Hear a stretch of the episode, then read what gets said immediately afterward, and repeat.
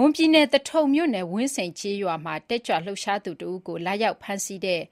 သထုံအမှတ် ၉ လေ့ကျင့်ရေးတပ် ဗိုလ်မှူးတဦး အပါအဝင် ၄ ဦးနဲ့ ဒေသခံ သထုံပြည်သူ့ကာကွယ်ရေးတပ်ဖွဲ့တွေကြား နိုဝင်ဘာလ ၁၀ ရက်နေ့ မနက် ၅ နာရီကျော်မှာ ပစ်ခတ်မှုတွေ ဖြစ်ခဲ့ပါတယ်။ပစ်ခတ်မှုတွေအတွင်း လူသေဆုံးမှုတွေရှိကြောင်း သထုံပြည်သူ့ကာကွယ်ရေးတပ်ဖွဲ့ဘက်က ပြောပါတယ်။ဒီသတင်းကို ဗွီအိုအေသတင်းထောက် မအေးအေးမာက သတင်းပေးပို့ထားပါတယ်။ မွန်ပြည်နယ် သထုံမြို့နယ် ဝင်းစိန်ကျေးရွာထဲက တက်ကြွလှုပ်ရှားသူတဦးကို သထုံအမှတ် ၉ လေ့ကျင့်ရေးတပ်က မနက် ၄ နာရီအချိန်မှာ လာရောက်ဖမ်းဆီးခဲ့တာပါ ဖမ်းဆီးပြီး ပြန်အထွက်မှာတော့ ဒေသခံ သထုံပြည်သူ့ကာကွယ်ရေးတပ်ဖွဲ့တွေက ကားနောက်ကိုလိုက်ပြီး ပစ်ခတ်ခဲ့တာကြောင့် လာရောက်ဖမ်းဆီးသူတချို့ သေဆုံးသွားခဲ့တယ်လို့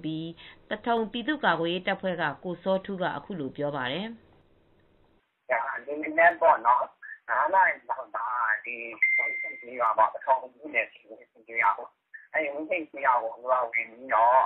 တက်ကြွလှုပ်ရှားသူတယောက်ကိုဝင်ဖမ်းတာပါတယ်။အမှတ်၉လေ့ကျင့်ရေးတပ်က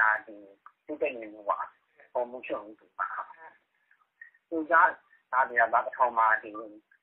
မ်းဆီးရေးခေါင်းဆောင်ပေါ့ဝင်ဖမ်းပြီးတော့ချက်ချ င်းပြန်လွတ်ပေးတယ်အဲဒီတယောက်ကိုကားပေါ်မှာစစ်တယ်။အဲဒီအချိန်မှာကျနော်တို့ဘက်ကလည်းသတင်းရတယ်ကျနော်တို့ဘက်ကလည်းအဲဒီဘက်ကိုရောက်နေတဲ့အချိန်ပစခဘက်ကလည်းသထုံပြည်သူ့ကာကွယ်ရေးဘက်ကလည်းအဲဒီဘက်ကိုရောက်နေတဲ့အချိန်ဖြစ်တယ်ပေါ့ဖြစ်တော့အဲဒီမှာချက်ချင်းပဲလိုက်သွားတယ်ကားကိုသွားပြီးတားတယ်ပေါ့ပထမတော့ဝင်ရောက်ပစ်ခတ်တယ်ပေါ့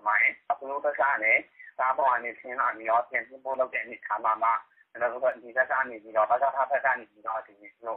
အတိုတွေအသေးတွေနဲ့လက်နက်ကြီးတွေနဲ့ထပ်ပစ်တယ်ပေါ့ပစ်တော့သူတို့ဘက်က၃ယောက်ကျသွားတယ်တယောက်ကတော့ဒဏ်ရာရပြီးလွတ်မြောက်သွားတယ်။နောက်ပြီးသူတို့ဖမ်းတဲ့တက်ကြွလှုပ်ရှားသူလည်းပြန်လွတ်သွားတယ်။"သထုံအမှတ်၉လေ့ကျင့်ရေးတပ်ကဗိုလ်မှူးအဆင့်ရှိသူတဦးအပါအဝင်၃ဦးသေဆုံးခဲ့ကြောင်း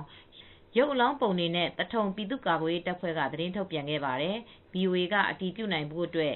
နယ်မြေခံအာဏာပိုင်တွေကို ဆက်သွယ်မေးမြန်းဖို့ကြိုးစားခဲ့ပေမဲ့ဆက်သွယ်လို့ မရခဲ့ပါဘူး။သထုံပြည်သူ့ကာကွယ်ရေးတပ်ဖွဲ့ကတော့ သူတို့နယ်မြေကို ပြန်ရောက်သွားပြီး သထုံအမှတ် ၉ လေ့ကျင့်ရေးတပ်က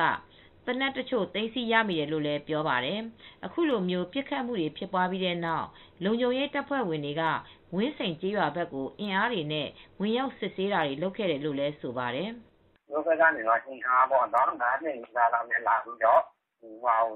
စစ်ဆေးမူတွေ လုပ်တယ်ပြီး တော့ပြန်ထွက်သွားတယ် ညနေပိုင်းလောက်မှာတော့တခါထပ်လာတယ်ရွာကို"အခုလို ပစ်ခတ်မူအပြီးမှာတော့ သထုံမြို့နယ်ဘက်က ကျေးရွာတွေဘက်မှာ လုံခြုံရေးတင်းကြပ်ပြီးစစ်ဆေးမူတွေ လုပ်နေပါတယ်။မွန်ပြည်နယ် သထုံမြို့နယ်ထဲမှာ ပြီးခဲ့တဲ့ ဇွန်လ ၂၅ ရက်နေ့တုန်းကလည်း စစ်ကောင်စီတပ်တွေနဲ့ ကရင်အမျိုးသားအစည်းအရုံး ပူးပေါင်းတပ်ဖွဲ့တွေကြား တိုက်ပွဲတွေ ဖြစ်ခဲ့ပြီးတဲ့နောက် ရွာထဲမှာ ဝင်ရောက်ပစ်ခတ်တာအပြင် ရွာမီးရှို့ခံရတာတွေလည်း ဖြစ်ခဲ့ပါတယ်။ဝိယော်ရေတံခွန်ကို လာကြတဲ့ လူငယ်တွေကိုလည်း ပြည်သူ့ကာကွယ်ရေးတပ်ဖွဲ့ကဆိုပြီး စစ်ကောင်စီတပ်တွေက ဖမ်းဆီးတာတွေ လုပ်ခဲ့ပါတယ်။ဒီအတွက် အခုလည်း ဝင်းစိန်ကျေးရွာနဲ့ အနီးတဝိုက်က ကျေးရွာတွေကတော့ စိုးရိမ်မူတွေ ဖြစ်ပေါ်နေပါတယ်ရှင်။